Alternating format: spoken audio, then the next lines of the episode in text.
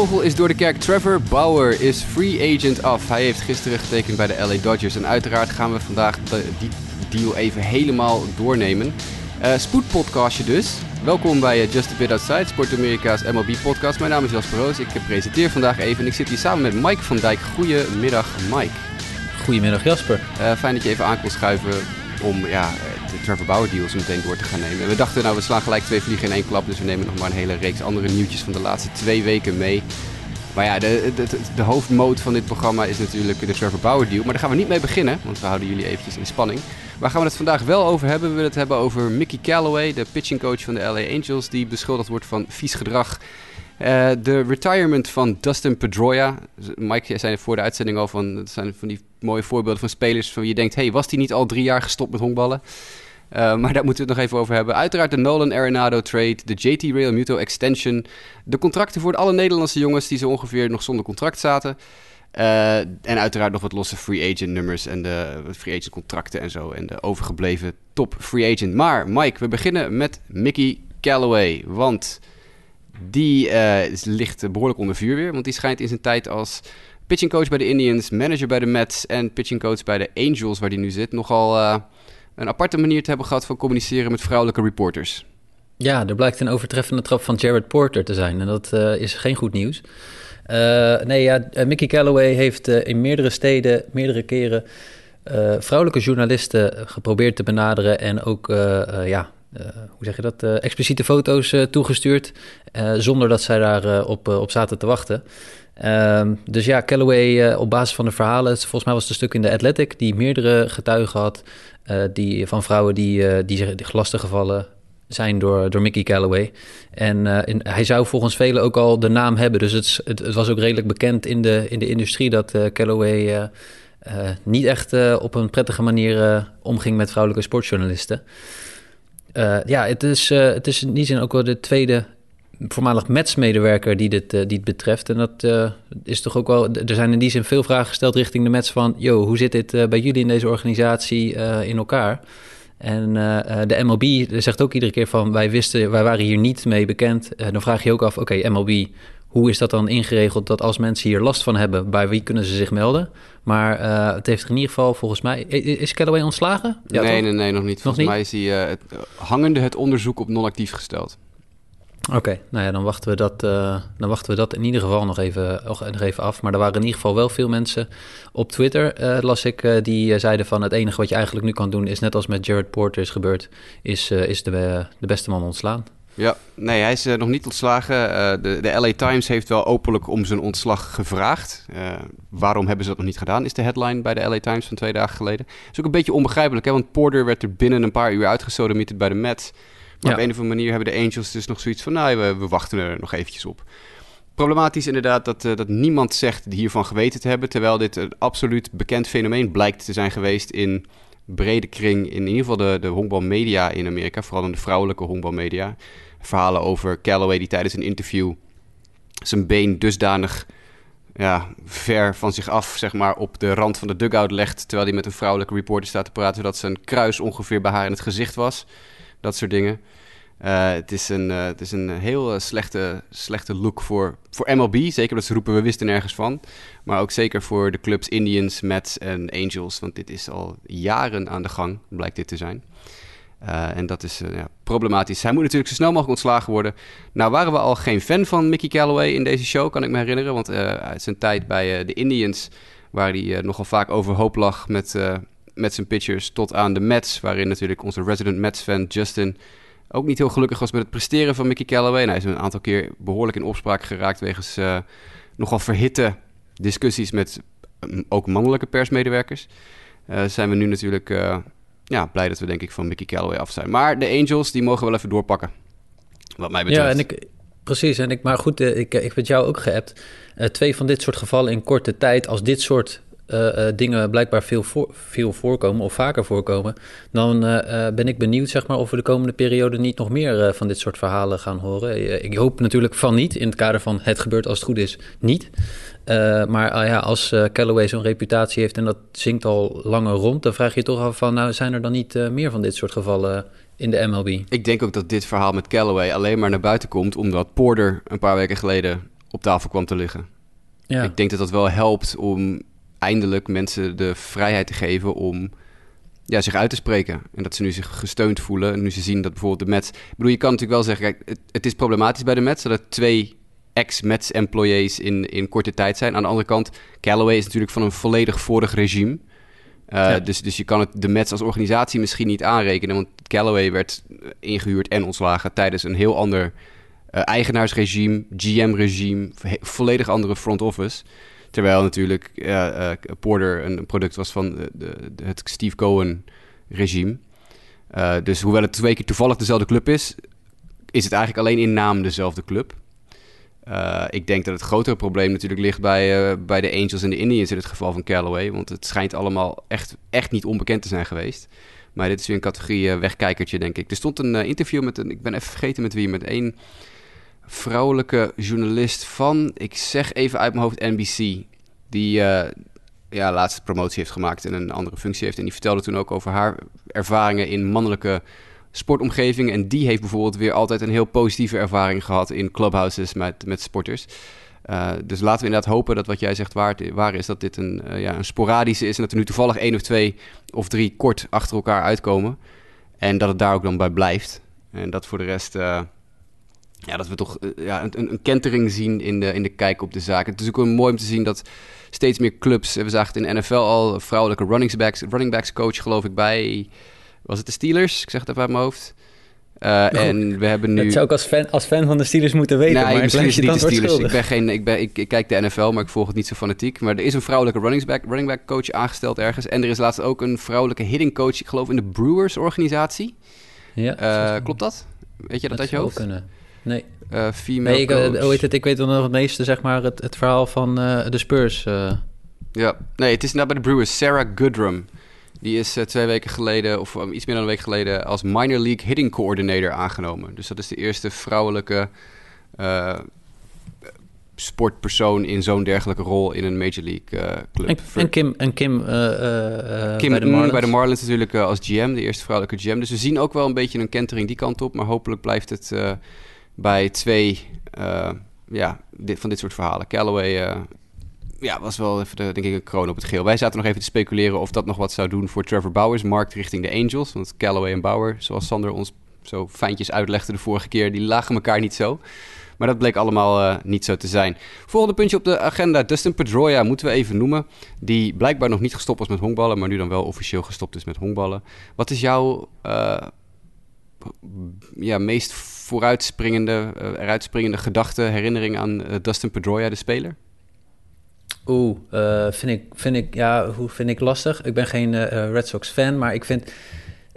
Pedroia is wel, zeg maar, eigenlijk de, de man van de Red Sox geweest, zeg maar... In de, in de periode dat er de eerste titel werd gewonnen... tot aan, zeg maar, dan 2016, 2017... waarin hij gewoon de vaste man in die line-up was. Beetje zoals Jeter voor de Yankees is geweest... dat decennium ervoor... Uh, dat is eigenlijk Pedroia in mijn beleving geweest. Uh, echt de, de, de hard soul, zeg maar, van de, van de Red Sox. En ik denk ook, ja, het is wel echt een boegbeeld wat, wat stopt. En het is mooi dat, dat we dus af en toe nog steeds clubliefde hebben. Laat ik het maar zo zeggen. Maar spelers die wel bij één team hebben gespeeld, dat is wel mooi. Ik weet niet of ik specifiek één iconisch moment heb. Jij? Nee, ook niet echt. Ik, ik heb nooit, en dat is misschien heel gek om te zeggen, meestal als, als een speler stopt, dan ga je zeggen, oh, geweldige speler. Ik heb nooit zoveel met Dustin Pedroia gehad. Dat, is, dat heeft geen idee. Ik, ik heb het, het is een goede honkballer geweest, absoluut. Ik bedoel, hij is Rookie of the Year geweest, viervoudig All-Star, vier Gold Gloves, één Silver Slugger, um, een MVP. Maar het is ook alweer zo lang geleden allemaal dat hij ook op een of andere manier maar relevant was. Weet je, hij is nu 37, hij is gestopt op 37 jaar leeftijd. Dat is op zich een leeftijd waarvan je denkt van, nou, is prima, dan kan je wel een keer stoppen. Maar hij heeft, uh, nou ja, sinds, hij heeft in 2018 11 wedstrijden, of 11 slagbeurten gehad. In 2019 20 slagbeurten gehad. Uh, ik heb de cijfers niet voor me, maar de laatste twee, drie jaar dat hij echt daadwerkelijk actief is geweest, waren ook niet uh, hier van het. Uh, nee, dat is wel een goede, goede seizoenen. Ik bedoel, echt voor een tweede honkman. Ik bedoel, het is echt wel. Het is niet zo dat het een, een, een waardeloze weggooi-speler was. Maar dat is echt alweer 2016 hebben we het dan over, hè? Ja. 2016 ja, is het laatste jaar dat hij echt een volledig fit seizoen had. Ja. Het jaar daarvoor ook niet. 2015 ook maar 93 wedstrijden gespeeld. Ja. Ik bedoel, hij, hij heeft een, een carrière van 14 jaar, maar hij heeft maar 1500 wedstrijden gespeeld. En dat is echt heel weinig voor 14 jaar. Ja. Dat is iets meer, dat is 100, 100 plus wedstrijden per seizoen. Hij heeft bijna zijn hele 2010 is hij kwijt, bijna zijn hele 2015 is hij kwijt. Ik bedoel, maar dan ja. komen we wel met de spannende vraag, zeg maar. Over een paar jaar komen er weer uh, ballads uit. Nee, hij is geen Hall of Famer. Absoluut niet. Nee, oké. Voor, mij, voor, mij niet. voor mij niet. Ik, ik, denk dat daar echt wel Red Sox fans zijn uh, die daar heel anders over denken. Maar ik, ik nee, 51 war uit zijn carrière. Maar 6000 slagbeurten gehad over 14 jaar. Maar 140 home runs. Maar 138 gestolen honken. Er is niks wat er echt bovenuit springt. Als je 14 jaar speelt en je wint 4 gold gloves. Ja, ik bedoel, ik, ik heb er geen 4 gewonnen. Maar in 14-jarige carrière 4 gold gloves is niet speciaal of zo. Nee. Dus ik denk wel dat Pedroia een jaar of drie, vier misschien op de ballot blijft staan. Dat hij boven die 5% uitkomt. Zeker natuurlijk met de East Coast bias die in Amerika heel heftig heerst binnen de, het honkbaljournaaien. Maar voor mij is Pedroia echt geen, geen Hall of Famer. Echt ook niet eens in de buurt. Hall of Very Good. Ik, ik bedoel, ik ga hem nu voor de gein even ter plekke. Dit heb ik niet voorbereid. Maar dit is het eerste wat eh, in mij opschiet, opkomt. Wacht even hier. Even snel tikkie, tikkie, tikkie in de laptop. We zetten deze twee even naast elkaar. Hmm, even kijken. Als een speler met 2000 meer slagbeurten en 300 meer home runs en dubbel zoveel RBI's en een hoger OPS plus niet de Hall of Fame haalt, zou Pedroia dat dan wel moeten doen? Nee. nee, ik bedoel, als het antwoord simpel. Ja, ik heb even voor, puur eventjes voor vergelijking... De, de, de eerste speler die mij te binnen schoot om, op die, uh, om te vergelijken... Um, is een speler die een paar jaar geleden één keer op de ballot heeft gestaan... en er meteen vanaf viel als Paul Canurco. En als je de statistieken van Paul Canurco en Dustin Pedroia naast elkaar legt... Uiteraard, uh, Canurco heeft een minder, veel minder war dan Pedroia... want Pedroia die was defensief veel belangrijker dan Canurco. Dus dat telt wel snel bij elkaar op. Um, maar Knurko heeft aan alle kanten betere offensieve statistieken, levert hij af dan Pedroia. Nou, als Knurko er dan in één jaar afvalt, nogmaals, dan ga ik ervan uit dat Pedroia een paar jaar blijft staan vanwege de East Coast bias en het feit dat hij natuurlijk met de Red Sox ontzettend veel nationale ja, uh, uh, spotlights op zich heeft gehad. Want in Amerika iedereen wist wie Dustin Pedroia was, terwijl niet iedereen zomaar wist wie Paul Knurko was. Hey, ik leg die stats naast elkaar. En uh, ze ontlopen elkaar. Uh, ja, ik bedoel, uh, als ze elkaar, als ze in de buurt zitten bij elkaar, is het in het voordeel van, van Knurko. En, en voor de rest slaat hij hem aan alle kanten eruit. Ik bedoel, 300 meer home runs, dubbel zoveel RBI's. Pedroia heeft maar 700 RBI's in zijn carrière. 725 ja. RBI's. Ja. Nee, sorry. Dat, Ja, maar toch, laat ik zo zeggen, het, het is vooral qua doen, laten en... Uh, uh, het is wel een kenmerkende speler voor deze afgelopen uh, 10, 15 jaar Absoluut. geweest, zeg maar. Voor, ja. voor de Red Sox, zeg maar. En echt wel een, een, een ontzettende fan-favorite. Maar inderdaad, als je wat dieper naar de stats gaat kijken... dan denk ik dat hij vooral in de, de harten van de Red Sox-fans... een plekje zal blijven houden... dan dat dat daadwerkelijk in, in Cooperstown gaat zijn. Want daar is tegenwoordig sowieso lastig om in te komen. Nee, ik vond het mooi. We hebben het daar vorige week over gehad, ook voor twee weken geleden... over, over dat John Morosi zijn, ze zegt dat hij zijn stembiljet af laat hangen... en kijkt naar een speler... Is dit een historically significant speler geweest in de periode waarin hij speelde? Ja, ik denk dat Dustin Pedroia absoluut een historically significant player is geweest in de periode waarin hij actief was. En hij verdient dus ook om een paar jaar op de bellen te blijven staan, denk ik. Alleen, ik bedoel, Canurco, zesvoudig All-Star. Pedroia, vier. Weet je, ik bedoel, ja. dit is een volkomen arbitraire vergelijking. Maar als Canurco er na één jaar afvalt, is Pedroia absoluut geen Hall of Famer. Nee. En als ander uh, random criterium. Zet Pedroia 14 jaar op het tweede honk bij de Milwaukee Brewers. Is hij dan. Heeft hij dan de ja. status die hij nu heeft omdat hij 14 jaar bij de Red Sox heeft gezeten? Nee, dat niet. En ik denk dat, dat dan, wat spreekt dan vooral voor hem, is hij is onderdeel geweest van een aantal hele goede teams. Ja. En een goede periode. En een belangrijk ja. onderdeel van die goede teams. Laten we dat niet vergeten. Ik bedoel, wat jij zegt is 100% waar. Hij was een, hij was een, een leider in de clubhouse. Hij was een, een, een een, echt een, een, een belangrijke speel in, in die teams. Nee, het is absoluut geen Hall of Famer. Nee. nee. Nou, dat was Pedroia. Jij vergeleek het even met de, het uh, ja. pensioen van uh, Ibrahim Afellay. Ibrahim Afellay, ja. Zo'n speler waarvan je in één keer denkt van... oh, was hij nog, speelde hij nog? Ja. Wilde hij nog terugkomen? Maar goed, dat, uh, dat is niet het geval. maar uiteindelijk, wat is het? Drie World Series titels? 2007, 2013, 2018 dan? Uh, ja. dat kan, ik heb net weggeklikt, dus kan het je niet Ja, nee, ja, ik, heb, ik heb die hier staan. Dus uh, ja. Maar Pedroia, ik ben benieuwd wat hij, wat hij besluit nu na zijn carrière te gaan doen. Ik kan me moeilijk voorstellen dat hij stil gaat zitten en niet in het spelletje betrokken blijft. Nee, dat denk ik ook niet. Ik denk dat hij wel bij de Red Sox een, een, een plekje krijgt of zo. Ergens. Ja. weet je, of een coach. Of wordt een typische coach ook natuurlijk. Hij wordt, weet ik veel, infield coach of zo. Ja. Denk ik. Maar goed, dat terzijde. Dat was het, het verdwijnen van Pedroia. En dan hebben we nog het verplaatsen van stad door Nolan Arenado de ster derde honkman van de Colorado Rockies. Die is namelijk eindelijk weg bij Colorado. Dat zat er al een paar jaar aan te komen. Volgens mij hebben we het in deze podcast ook al een paar keer hierover gehad. En die is vertrokken naar de St. Louis Cardinals. Wat kan je ons vertellen, Mike, over deze deal? Nou, dat het uh, ja, vanuit Colorado-perspectief uh, A, een groot verlies is. En B, niet zo'n beste deal, is wat ik, uh, wat ik heb begrepen. Maar Nolan Arenado, Nolan Arenado is naar de St. Louis St. Louis Cardinals. En daarvoor teruggekomen, luister goed, de linkshandige werper Austin Gomber. De derde honkman Matteo Gil. En infielder e zo, Elerius, Elerius Montero. En rechtshandige werpers Tony Losey en Jake Sommers. Nou, um, dit zijn allemaal geen impact players. In ieder geval niet op dit moment. Uh, en ik geloof zelfs dat, uh, dat er zelfs nog een beetje uh, geld mee is gegaan. 51 van, miljoen. Ja, van Colorado naar St. Louis. Wat ik bijzonder vind. Maar goed, de 51 miljoen is niet echt, niet, niet echt weinig, toch, Jasper?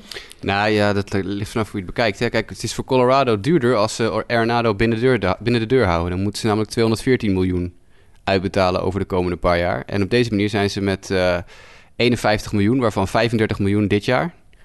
zijn ze wel sneller van die kostenpost af. En dan kan je dus sneller weer geld ergens anders gaan ja. uitgeven. Dus ik snap het aan de ene kant wel. Meestal doen teams dit om prospects terug te krijgen van een hoger allure. Hè? Dus ik, ik bedoel, ja, jongens als Eleuheris Montero, Matteo Gil, ik heb ze de namen wel eens gehoord, maar het zijn niet jongens die echt meteen in je gedachten springen als super top prospects.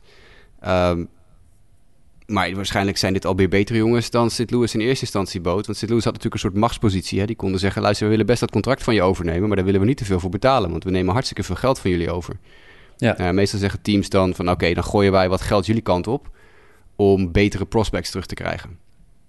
Uh, zoals, ja. zoals jaren geleden, ja, de slechtste trade ooit gemaakt. James Shields van de Tampa Bay, van de uh, San Diego Padres naar de White Sox voor Eric Johnson en Fernando Tatis Jr.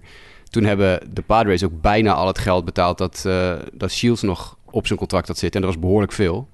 Om zo dus Tatis erbij te krijgen. Dus ja. dat zijn deals die op zich niet, niet gek zijn.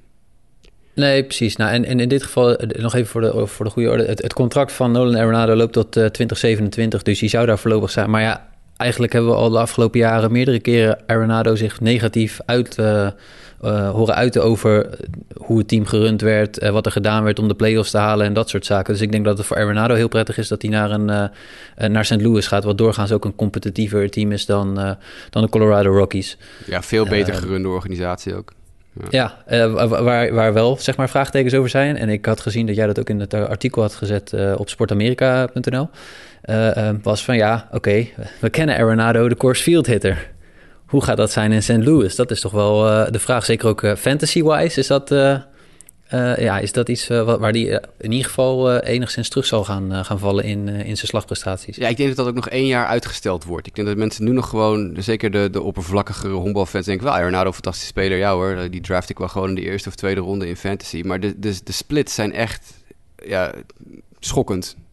en ik, ik, we wisten allemaal wel, de discussie is al jaren bezig. Hè? Is beter in course field dan die in uitwedstrijd is. Maar als je ze dan onder elkaar zet, en ik heb inderdaad het tabelletje van Baseball Reference geplukt en dat in het artikel gezet. Ik bedoel, hij heeft vrijwel evenveel slagbeurten thuis als uit.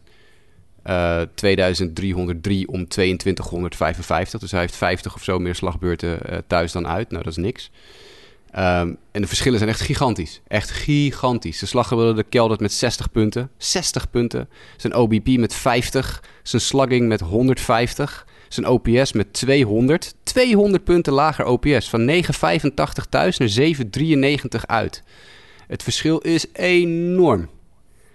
Dus ik weet niet of... Uh, we zullen één jaar aan moeten kijken of het, of een kwestie is van dat Arenado zich gewoon thuis altijd beter voelt. Ongeacht waar dat is. Of dat het echt het course field effect is. Dus dat is nog wel even iets om in de gaten te houden. Had je natuurlijk ook een klein beetje met Paul Goldschmidt, hè, die ook van de, de Arizona, jou wel bekend, het Arizona Stadion. Werd ook wel gediscussieerd van is dit iemand die profiteert van die humidor in Arizona? En bij St. Louis is het volgens mij ook nooit zo goed geweest als het in Arizona was. Nog niet, nog, niet. Nee. zeker niet, nog niet. En, uh, maar op zich is het wel, als je de line-up nu hebt van de Cardinals met Goldschmidt en, uh, en Arenado, is, ja, dat zijn wel twee goede slagmensen. Oh, het is een waanzinnige uh, line-up, ja, absoluut. Ja, maar of ze inderdaad dat, want ja, 2027, dat is zes jaar. Arenado is 29. 30, 30 bijna, ja. ja 30, hij wordt in maart geloof ik 30, ja.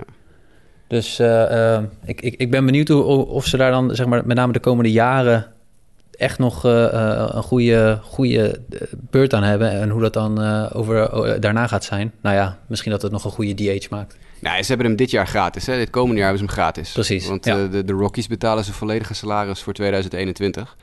Dus ze hebben nog een, gewoon één heel gratis jaar. Dus ja, dan heb je hem in ieder geval in zijn prime. 30, 31, misschien een stukje 32. Heb je hem nog ja, echt spotgoedkoop. Echt spotgoedkoop. En daarna wordt het in één keer ja, heel veel. Ja, dus dan moet je hopen dat, uh, ja, dat hij op een goede manier ouder wordt. Maar het is natuurlijk wel een enorme deal. Echt een stevige blockbuster deal was dit. Uh, ja, voor, uh, voor een off-season waarin niet zo heel veel gebeurd is. Maar daarover meer. JT Real Muto, die bleef bij de Phillies. Dat hebben we ook nog niet besproken. Ook niet in de podcast. verrassende ontwikkeling misschien dat hij voor zoveel geld tekende. Maar niet heel verrassend denk ik dat de Phillies uiteindelijk hem toch binnen de deur hebben gehouden. Nee, de Phillies moesten eigenlijk toch? Ik bedoel, dat was eigenlijk een beetje het hele verhaal. En er was voldoende interesse ook wel voor, voor Real Muto, bijvoorbeeld door de Mets, om, om die kant op te gaan. Alhoewel, dat was op een gegeven moment, uh, koos die ergens anders voor. Maar ja, uiteindelijk tekent hij een contract van vijf jaar, 115,5 miljoen. Dat is stevig. Ja, het is het duurste, duurste contract ooit voor een catcher. Hè? Met, ik geloof, 1, punt 1 hoger dan Joe Mauer. Joe Mauer verdiende ooit per jaar 23 miljoen. En hij, eh, Real Muto verdient 23,1 miljoen. En hoe ging het met die deal uiteindelijk na zijn dertigste? Ja, nee, dat weten we allemaal. Maar Mauer was natuurlijk wel van iets... Die was sowieso daarvoor ook al veel minder uh, durable. Laten we zeggen dan Real Muto. Real Muto, die kan je in principe... Ja, eigenlijk altijd wel achter de plaats zetten. Ja. En, maar hij wordt ook wel 30 hè, in maart. Dus 18 eh, maart wordt hij 30. Dus. Ja, precies. En kijk, uh, ik zeg net de grap, uh, uh, DH voor Arenado in St. Louis. Als dat allemaal doorgaat, dat heb je natuurlijk misschien in de komende vijf jaar ook nog een keertje dat je Real Muto op die plek kan inzetten. Maar ja, anders ben ik benieuwd hoe de, de komende vijf jaar worden wel spannend, zeg maar, of hij dit kan blijven volhouden. Ja. Dat is altijd met catchers. Ja, de Phillies hadden inderdaad niet zo heel veel uh, keus, denk ik. Hè? Die, uh, die moesten wel. Ja, die hebben ook gelijk uh, doorgepakt vervolgens met Didi. Want die mocht weer terugkomen bij de Philadelphia Phillies. Weer... Verrassend, verrassend goede deal nog wel, denk ik, toch? Ook financieel gezien. Ik had niet gedacht dat, met hoe de, hoe de markt is, dat Didi twee jaar 28 miljoen uh, uh, ergens zou kunnen krijgen. Nee, ik denk dat het ook wel een beetje uh, een, een, situatie is geweest van waar de Phillies zoiets hadden van ja, laten we dan maar alle bekende gezichten jongens van wie we weten wat we ze hebben binnen de deur houden. maar dit is voor Didi een uitstekende deal. Inderdaad, twee jaar 28 miljoen. hij heeft natuurlijk vorig jaar een eenjarige deal moeten tekenen om zichzelf weer te bewijzen. Nou, ik denk dat hij zichzelf wel bewezen heeft bij Philly, toch? Zeker. fantastisch seizoen gedraaid. Paste goed natuurlijk bij de club, paste goed bij de manager. Want hij kent natuurlijk Joe Girardi al, uh, al enige tijd. Ik denk ook wel dat Girardi de enige hand in heeft gehad in de terugkeer van, van Didi bij de Phillies. En ik denk wel dat hij nu daar een van de drie, vier misschien grote jongens is. Met natuurlijk uh, uh, Harper, Real Muto. En dan qua naamsbekendheid misschien nog Reese Hoskins, maar die heeft niet zo'n heel goed seizoen gedraaid. En natuurlijk aan de pitchingkant nog uh, Aaron Nola op de heuvel. Dit uh, Didi is wel een van de Mount Rushmore jongens op dit moment bij Philly. ja, dat klopt. Ja, dat denk ik ook wel. Dat, uh, dat, dat vind mooi gezegd, ja, van de Mount Rushmore. Nee, ja, wat, wat wel een beetje spannende is, vind ik, is, is, zijn de Phillies er nu echt beter op geworden? Terwijl ze eigenlijk wel uh, hopen die, die, die, AL, of die NL East te winnen en daar echt een beetje de uitdaging in te zijn. Ik heb nog niet de indruk dat ze dat step, stapje hebben gezet deze offseason. Maar er zijn nog een paar, paar weken te gaan. Maar ja, hoe kijk jij daarnaar? Nou, ik denk dat vorig jaar gewoon niet het seizoen was waar de Phillies op gehoopt hadden. Terwijl ze toch op papier best wel een goede, goede ploeg hadden samengesteld. Met, met veel grote, grote jongens. Jongens van wie je weet wat ze doen, wat ze kunnen presteren. En ik denk dat het gewoon vorig jaar een seizoen was, dat halve seizoen natuurlijk, waarin deze ploeg met, met wat ja, opstartproblemen en dergelijke heeft gekampt. Nieuwe manager, nieuwe omgeving, een paar nieuwe jongens erbij.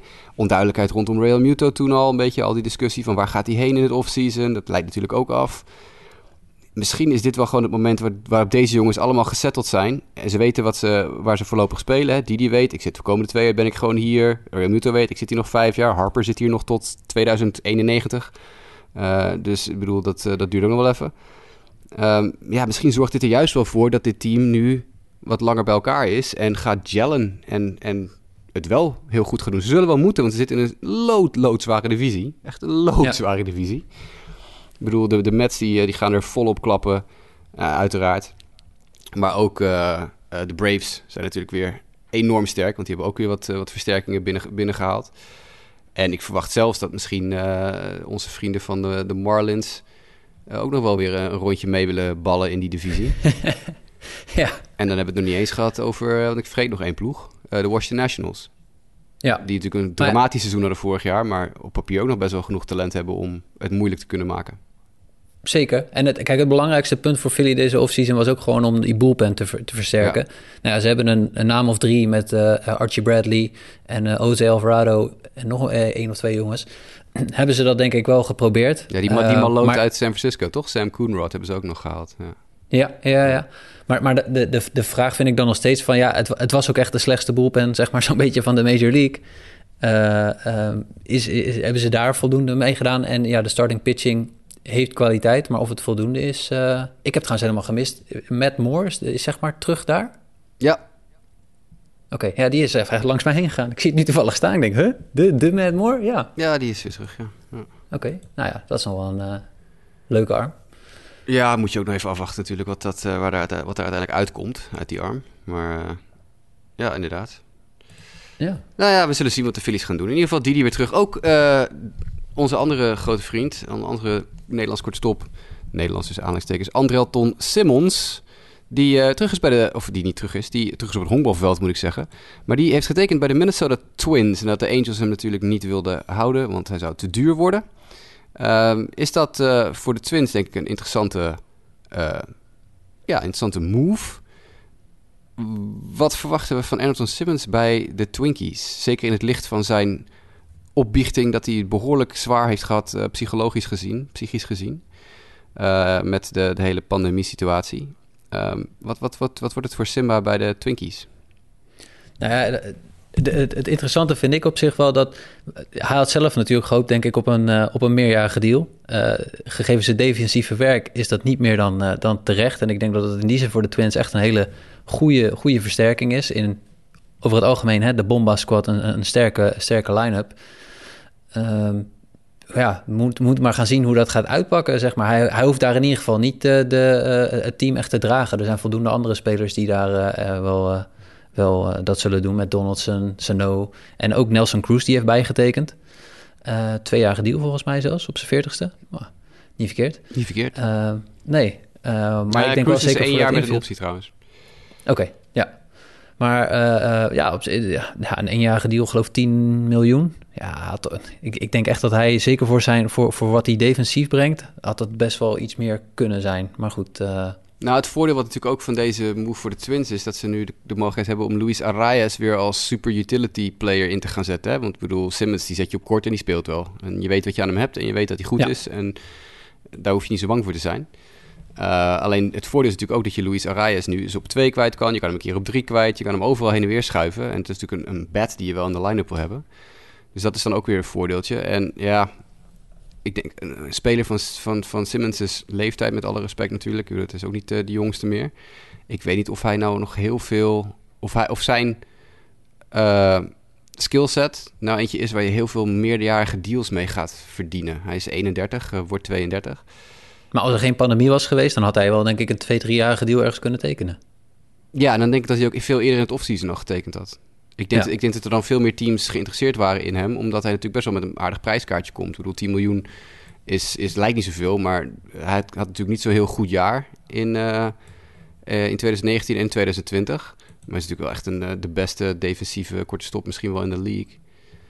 Dus ja, dat is een keuze die je dan als team moet maken. En als je natuurlijk als team allemaal gewoon geld verdiend hebt in een pandemie, in een gewoon seizoen, en niet geld verloren hebt in een pandemiejaar, ja, dan is het makkelijker om geld uit te geven aan zo'n speler. De Twins die hebben in de laatste paar weken wel echt in één keer weer een, zakje met geld gevonden. Want naast uh, Simmons hebben ze ook Alex Colomé nog toegevoegd, de voormalig White Sox closer. Uh, voor een spotgoedkope deal. Eén seizoen, 5 miljoen dollar. Nou, dat is als je ziet hoe goed Alex Colomé geweest is als closer bij de White Sox, is dat echt een koopje. Er zit nog een optie en een buyout bovenop ook. Dus uh, ja, de Twins hebben in één keer een zakje geld gevonden met Cruz, Simmons en uh, Colomé. Maar ze zullen wel moeten, want uh, ja, de White Sox die willen ook wel honkballen in de divisie. Dus we shall see. Is het tijd voor de Trevor Bauer deal, Mike? Hebben we mensen lang genoeg in spanning nee, gehouden? Nee, ja, maar ik, ik, we moeten nog eentje. Oh ja, ja we hebben Schoopie ook nog, hè? Die heeft gisteren precies, getekend. we moeten het blokje afmaken. Ja, Schoopie hebben we nog. Ik vergat bijna gewoon Jonathan Schoop. Want die heeft gisteren getekend. Die heeft bijgetekend bij de Tigers. Oké. Okay. Woehoe. Ja. hey, nogmaals, heel blij voor hem dat hij een contract heeft. En dat hij weer een jaar mag honkballen. En dat lijkt me superleuk. Ik zou het niet per definitie bij de Tigers willen doen. Maar ach. Ja, maar ja, maar... Uh, uh, um, het, uh, het, verbaast mij niet, zeg maar, dat als hij een beetje oké okay, eerste seizoen zelf heeft, dat hij dan gewoon de trade chip wordt. Ja, dat was geloof ik afgelopen jaar. Nog? Afgelopen jaar was dat denk ik ook was dat ook een van de momenten. Volgens mij dat hij nog wel in de, in de rumors genoemd werd als eventuele interessante speler om toe te voegen. Ja, hij is pas 29 ook, hè? dat vergeten we wel eens. Hij is, ook al, hij is er al zo lang dat het lijkt alsof hij al heel oud is, maar hij is pas 29. En als hij fire catcht, ja. dan is hij ook echt wel een, een solide force in de, in, in de line-up. Ja. Dus, uh, maar goed, dan is het net even inderdaad welk team heeft welk gat te vullen. Ja. Uh, maar het zou mij niet verbazen als, hij, als dit maar een half seizoen Detroit nog wordt en nog een half seizoen ergens anders. Ja, Statcast is niet in zijn voordeel, hè? Hij staat ver beneden gemiddeld in bijvoorbeeld de belangrijke categorieën als exit velocity, hard hit rate en expected weighted on base. En als je in die categorieën ver beneden gemiddeld scoort, dan uh, dat zijn toch de, meestal wel triggers voor teams om ergens anders te kijken. Maar uh, ja, voor Detroit is het wel logisch natuurlijk. Die willen gewoon een paar veteranen in een, in een jong team hebben. Zodat die jonge gasten een beetje kunnen wennen aan de Major League... en kunnen leren van de jongens die al succes hebben gehad. Uh, dus voor, voor de Tigers is het wel een logische deal. Ik weet niet of... ja, ik denk dat, dat voor Schoop, die, die moet echt een, echt een steengoed seizoen draaien. Wil die niet langzaam de Gordon Beckham weg opgaan, zeg maar. Uh, Ja. Zo'n clubhopper worden die uh, later in zijn carrière, eind 20, begin 30, gewoon overal telkens in springtraining een potje mee mag ballen en dan een goede spring heeft. En dan dus een plekje verdient in de starting line- starting line-up. Maar halverwege het jaar weer in Triple A zit of zo, weet je wel. Een soort, soort Edwin Jackson. Een soort Edwin Jackson, maar dan aan de slag. Ja. Gordon Beckham trouwens Precies. ook uh, gestopt met honkballen. Die heeft twee weken geleden ook uh, zijn pensioen aangekondigd. De, de Dustin daar- Pedroia die nooit Dustin Pedroia werd. ja, ik wil net zeggen, wil je, wil je daar als White Sox fan nog wat over zeggen? nee, want hij is al weet ik hoe lang, voor hoeveel jaren weg. Het, is, uh, het was een aardige gozer. En, uh, Ja.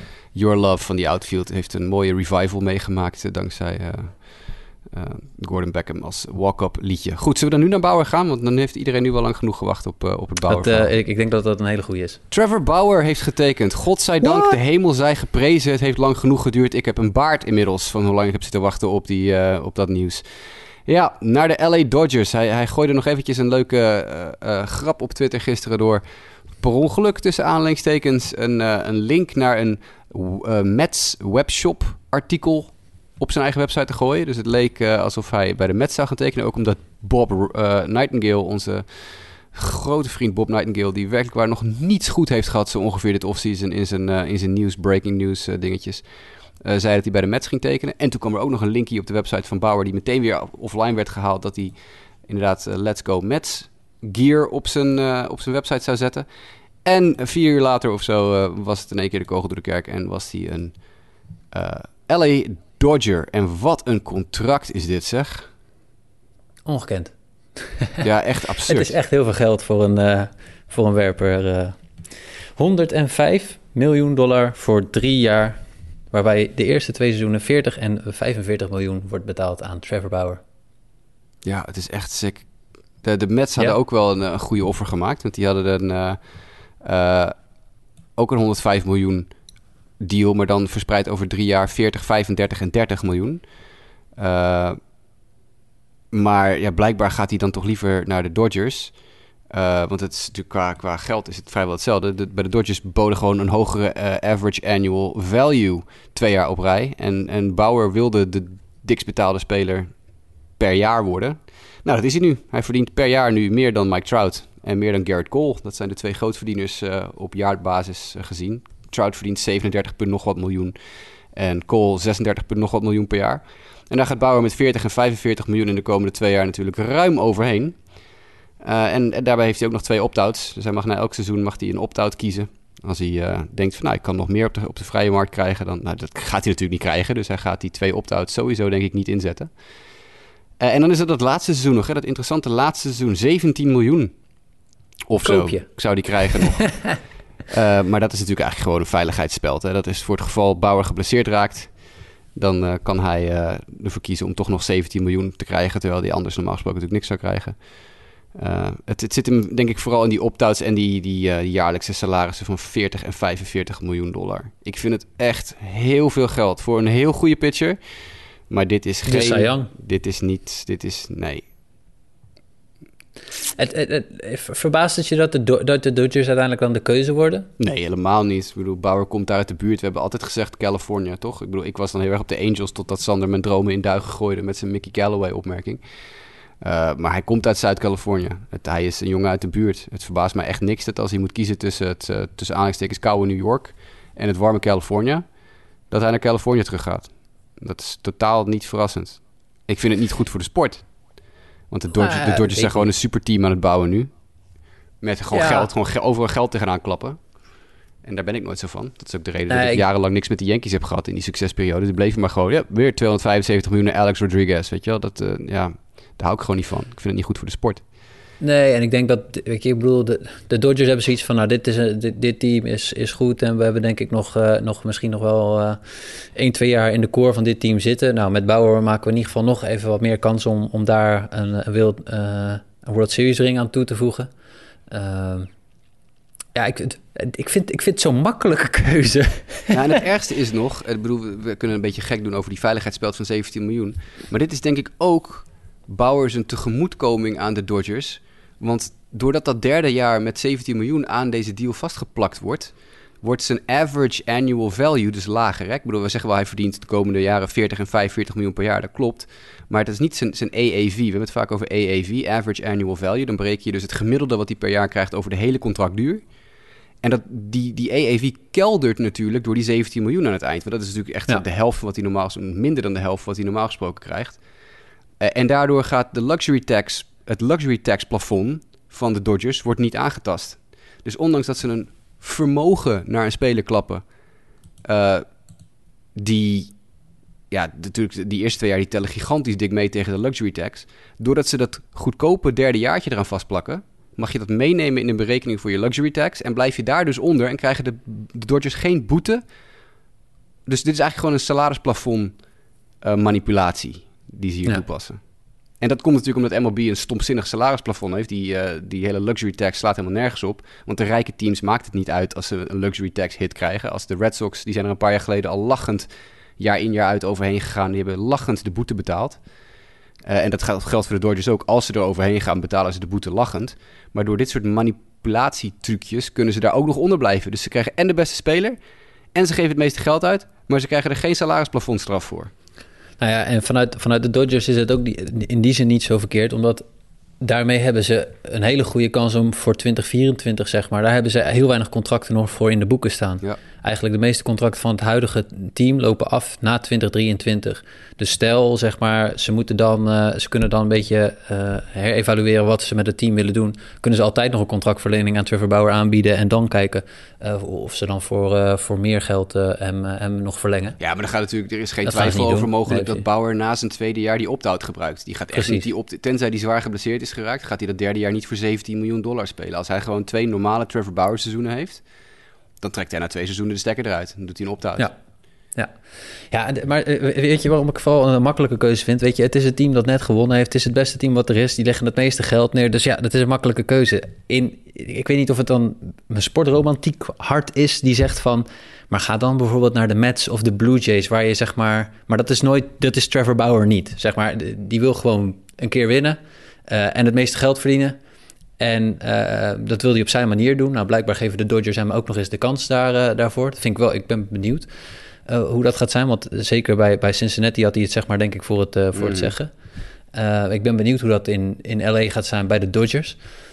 maar ik, een, een, keuze voor de Mets, ja, ik weet niet. Ik denk oprecht dat hij op het punt stond om bij de Mets te tekenen. Ik denk echt dat op het allerlaatste moment... Misschien hebben die, die, die, die website trucages van hem hebben daar wel aan bijgedragen. Dat de Dodgers op het, dat is het verhaal wat wel uit Amerika komt. De Dodgers hebben op het allerlaatste moment een betere aanbieding gedaan. Ja. En dan niet misschien qua totale waarde van het contract, want die is vrijwel vergelijkbaar. Alleen wel met een betere constructie voor Bauer. Uh, ja. dus, en ik denk dat, dat dat misschien nog wel iets ermee te maken heeft. Want ik, ik had hem echt wel, als de Dodgers niet waren gekomen, denk ik dat Bauer met plezier bij de Mets had getekend. Want ja, het meeste geld is het meeste geld. Precies, ja. Maar ja, ook we even vooropstellen. Uh, we hebben het vaker over zijn agent gehad, Rachel Luba. Uh, deze dame heeft misschien twee of drie cliënten in haar eigen sportmanagementbedrijfje. Mm -hmm. ze heeft er meer uitgehaald dan de gemiddelde veteraan-agent ooit had kunnen doen, denk ik. Ik denk dat Rachel Luba echt een waanzinnig waanzinnig staaltje sportagency heeft gedaan hier. En ik vermoed... Ze, ze, is in de voetsporen van Jerry Maguire getreden. Nou ja, echt. Dit is echt een show me the money momentje. quality. Ja, ja, dit is een show me the money momentje. Absoluut. Ja. En ik denk dat haar dit wel echt wat cliënten gaat opleveren. Ook. Ze heeft er echt maar een paar. We weten, niet, we weten niet precies wie. Want ik heb wel eens proberen te googlen, maar er is geen lijst met cliënten te vinden van haar. Maar ik weet zeker dat ze in ieder geval Trevor Bauer heeft, uiteraard. Volgens mm -hmm. mij heeft ze ook Carlos Gonzalez. Ja. Want daar is ze op YouTube wel eens bij op visite geweest. En daar is ze echt hele goede vrienden mee. Dus het lijkt erop dat González ook een cliënt van haar is.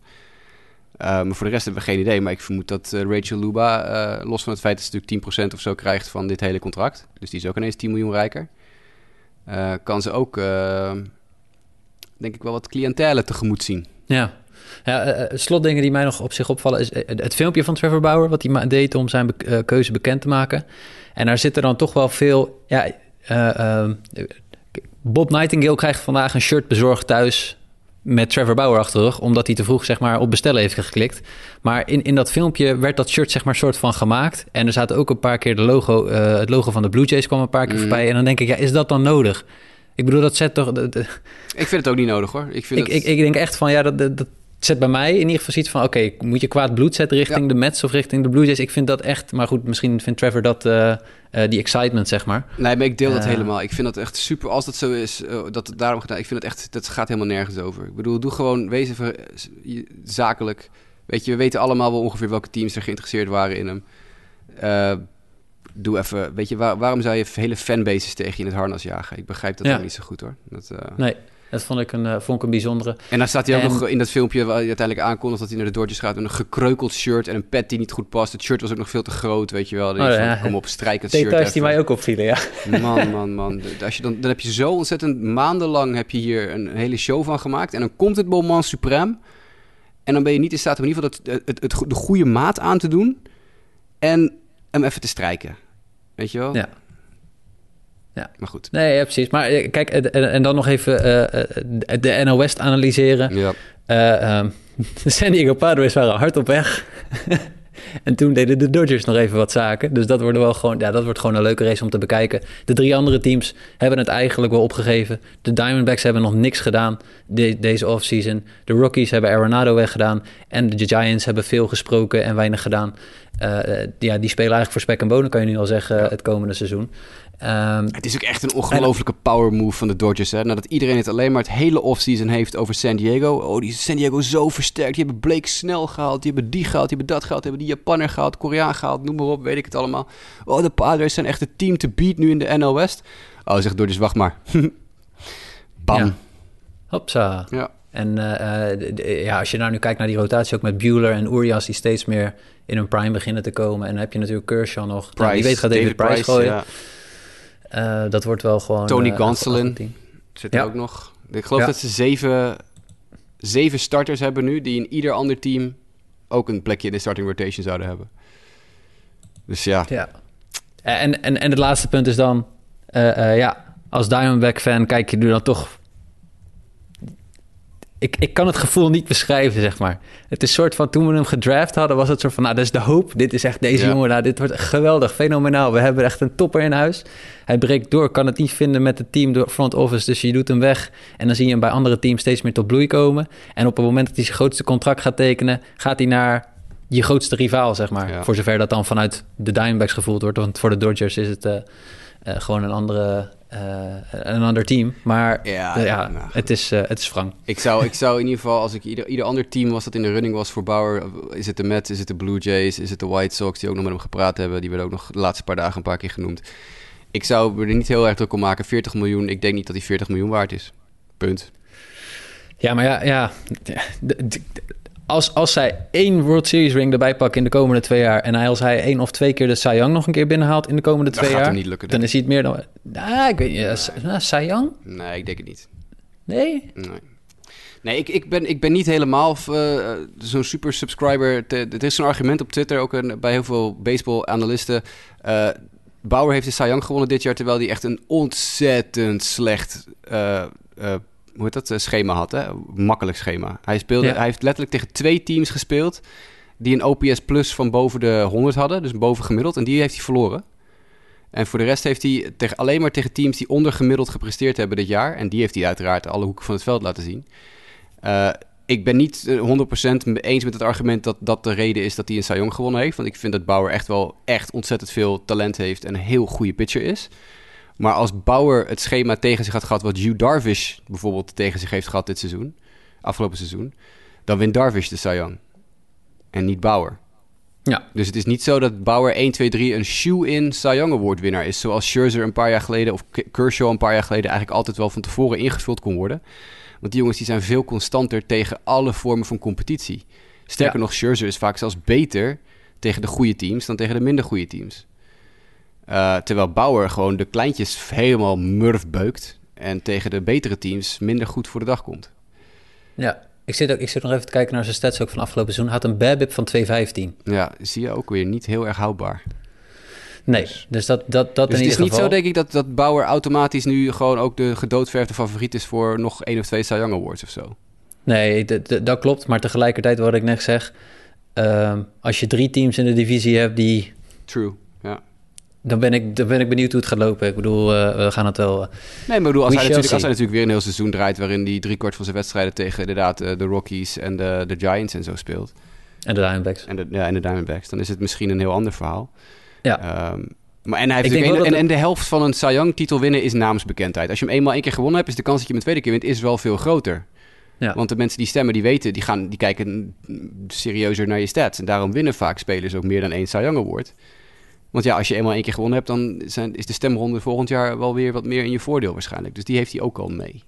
Ik blijf het nog steeds jammer vinden. Wat ik zei, ik, eh, ik weet dat jij daar anders in staat. Maar de keuze voor de Mets is, had denk ik wel... ehm, ik weet gewoon niet hoe hij om was gegaan met de media daar. En dat is in LA gewoon denk ik een stuk minder. Vindt iedereen het eh, eh, een stuk relaxter en prima in. Maar ik denk dat dat in New York...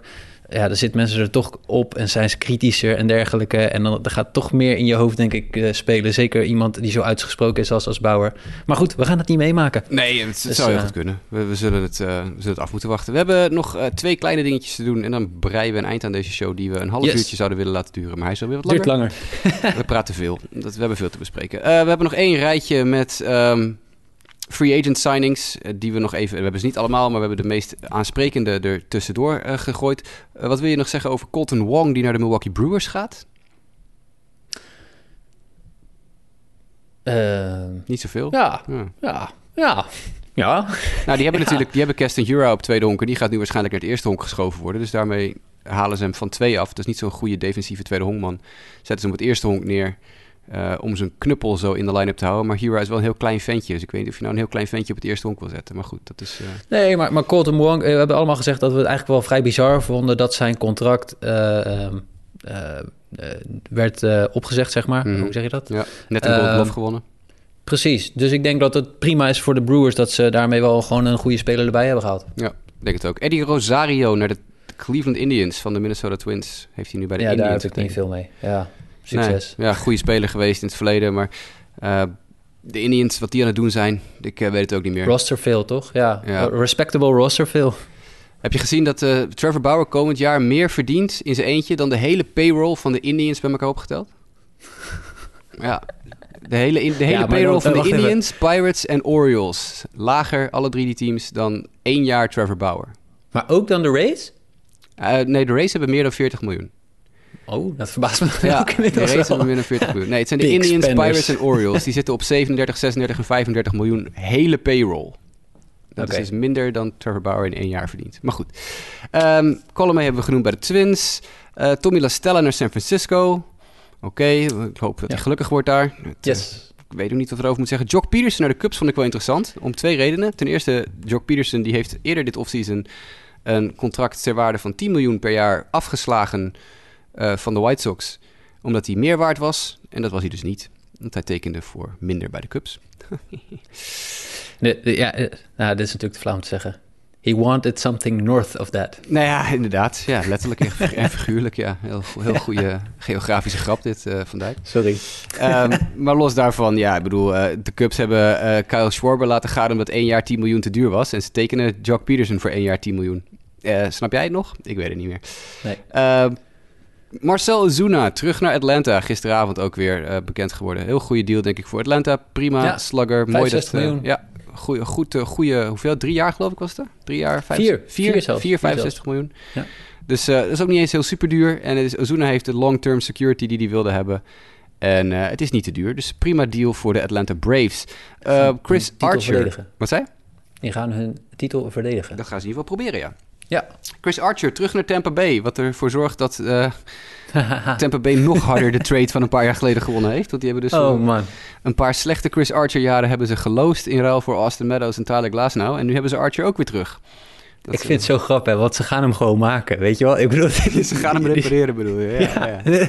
er komt gewoon een prima, respectabel seizoen zo meteen uit Chris Archer. En in Pittsburgh denken ze echt, what is hier gebeurd? Ja, inderdaad. Ja, nou, dat weten we allemaal. Hun pitchingopleiding is gewoon niet zo goed bij Pittsburgh. En de laatste opvallende free agent signing die ik wil noemen is Felix Hernandez. King Felix, die blijkbaar nog steeds honkbalt. Die een minor league deal heeft getekend bij de Baltimore Orioles. Nou, als ik Felix Hernandez, eh, Felix Hernandez was geweest en ik had als enige optie om een minor league deal bij de Baltimore Orioles te tekenen, dan was ik gestopt met honkballen.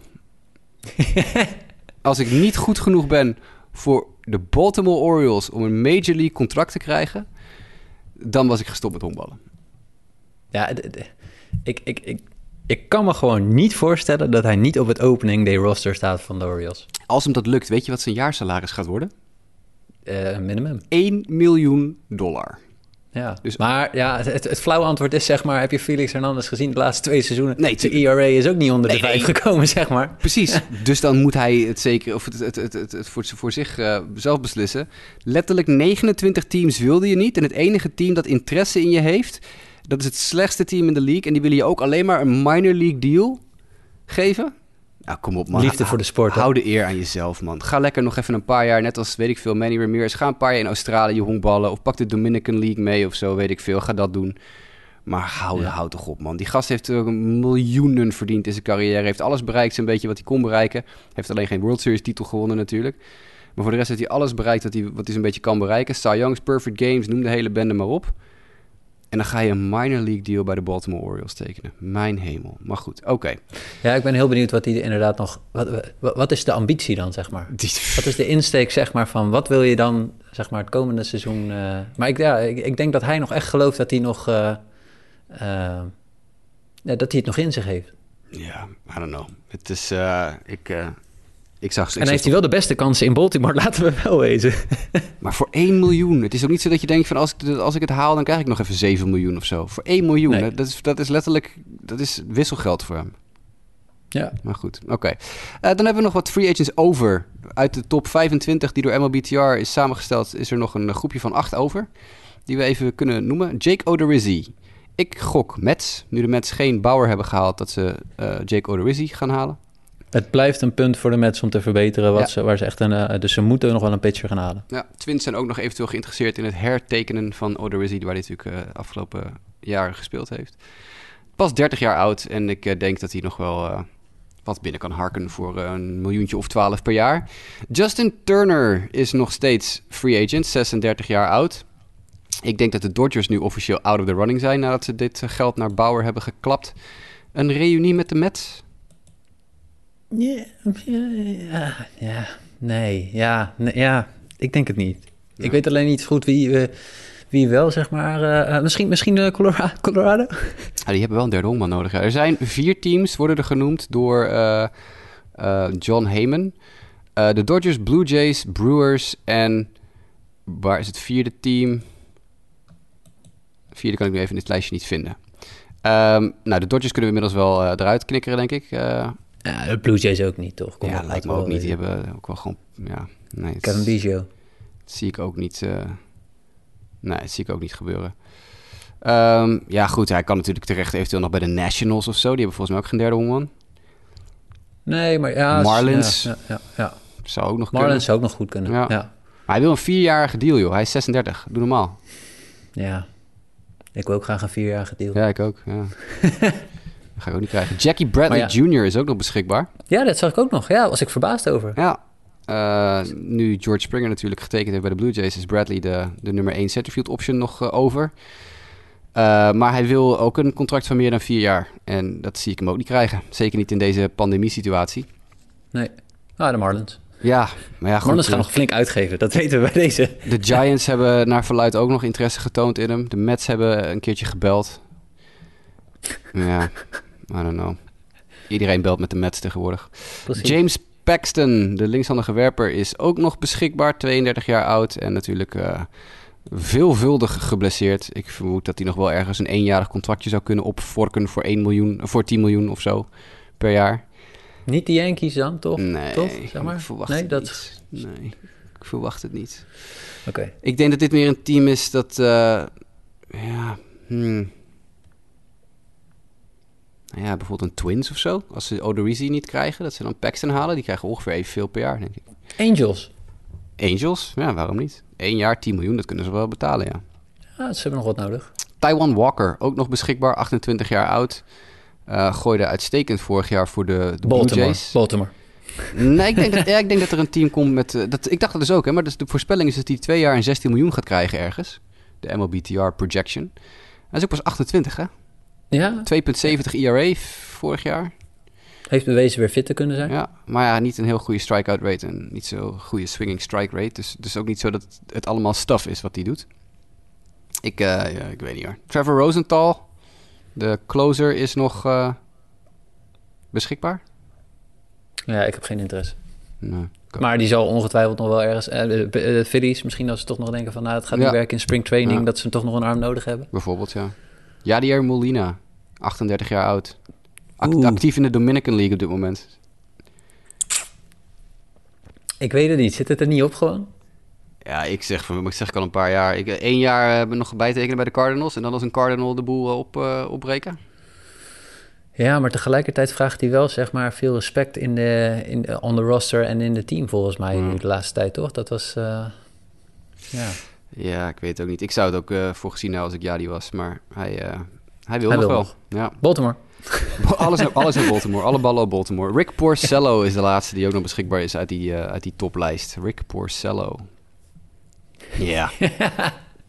Iedereen weet hoe ik over Rick Porcello denk. Dus Ja.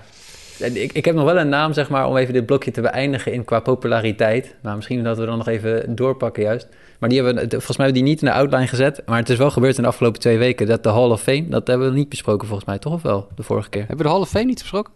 Ik zit te Ah, denken of we de waarschijnlijk niet niet. Nee, we besproken hebben hebben. toen nog wat over de tussenstand, maar niet over de einduitslag. Nou, dan Ja. eindigen we deze show nadat we hebben gezegd dat Rick Porcello waarschijnlijk nergens gaat tekenen. Moet je nagaan, hè? Dan, ben je, dan tekent Fernandez, eh, Felix Hernandez tekent bij de Baltimore Orioles een minor league deal. En Porcello is nog steeds een free agent. Eh, ik Ja. zou als ik Porcello was ook gewoon stoppen. Maar goed, dat is eh, een heel ander verhaal. De, de, de- op MLB Trade Rumor staat... Porcello is nowhere near the AL Cy Young winner he was with the Red Sox in 2016. Nou, niet alleen is hij nowhere near de AL Cy Young winner die hij toen was. Hij was toen al niet de terechte Cy Young winnaar. Dus ik bedoel, nou, dat is een eh, punt voor een later eh, geval. In, in, in de keuze tussen welke Cy Young Award winnaar heb je liever Felix Hernandez of Rick Porcello? Geen van beide? Mag dat ook? Nee, ja. ik, eh, geef, me, geef me John Means dan maar.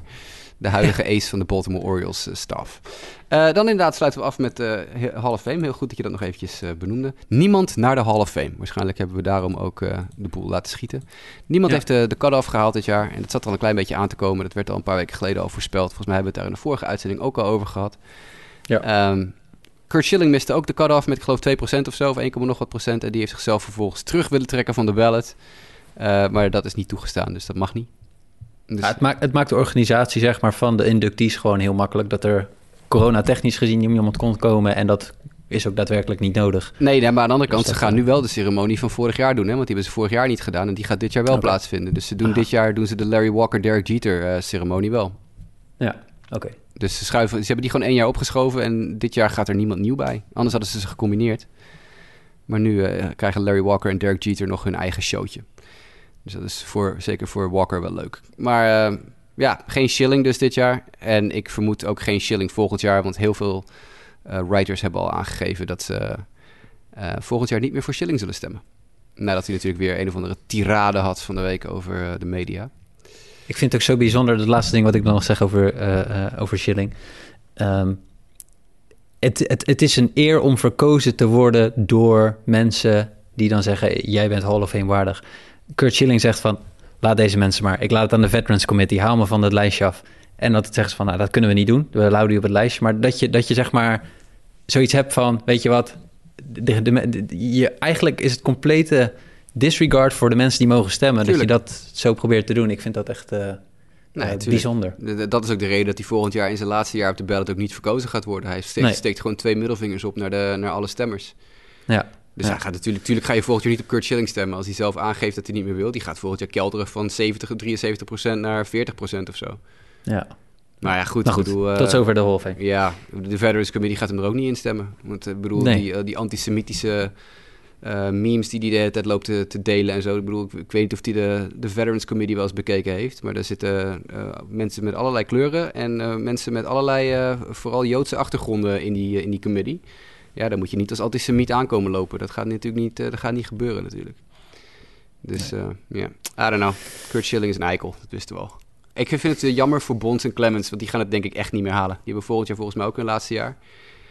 Uh, of hun ene laatste jaar, dat weet ik niet meer. Maar uh, die, uh, die blijven steken al jaren op hetzelfde percentage. Dus daar komt niemand meer bij. Dus tenzij er in de loop van de komende paar jaar nog een paar, paar progressiever denkende schrijvers toegelaten worden tot de Hall of Fame om te stemmen, gaat daar geen verandering meer in komen, ben ik bang. Dus dan wordt het Bonds en Clemens naar de Veterans Committee. I don't know. Ja, we gaan het zien. We gaan het zien. Mike, dankjewel dat je eh, op heel korte termijn even aan wilde schuiven vandaag om vooral het Trevor Bauer nieuws, maar intussen ook even gewoon alle andere honkbalnieuwtjes van de laatste twee weken door te nemen. Spring training begint over 14 dagen. Ik zeg een week of vijf, maar ja, ik denk... officieel 14 dagen. Maar nee, Precies, het sneeuwt hier, maar over twee weken springtraining. Ja, I don't know. Ik, uh, ik zag gisteren de foto's weer van allerlei clubs die hun uh, vrachtwagens aan het volladen waren met springtraining materiaal om naar Arizona en Florida te rijden. Arizona heeft er aangegeven dat ze het liever niet zouden willen. Vanwege de enorme hoge hoeveelheid coronagevallen in de staat daar. Um, I don't know. Ik durf, daarom heb ik het ook bewust niet gehad vandaag over uh, eventuele seizoenen, hoe lang het seizoen gaat duren. Want de, de, Players Association en Major League Baseball liggen weer om de havenklap met elkaar overhoop. Komt er nou inderdaad een seizoen met 154 wedstrijden? Komt er nou inderdaad dit? Komt er inderdaad dat? We kunnen er geen pijl op trekken, dus we leven week tot week. Yes. Alright man. Hey, hartstikke bedankt. En um, ja, misschien uh, is er volgende week alweer heel veel nieuws en zie ik je volgende week weer. En zo niet uh, tot de volgende aflevering. En uh, datzelfde geldt ook voor onze luisteraars. Hartstikke bedankt wederom voor het luisteren naar Just a Bit Outside Sport Amerika's MLB podcast. We zijn te vinden op Spotify, op Apple Podcasts, op overal waar je maar naar podcasts luistert. En heb je de toegang tot een Apple uh, podcast dingetje, zou je dan een 5 sterren review voor ons willen achterlaten, zodat we een beetje stijgen op de lijn, de lijst van, van Apple. En dat we bij meer mensen terechtkomen. voor nu hartstikke bedankt voor het luisteren en graag tot de volgende keer.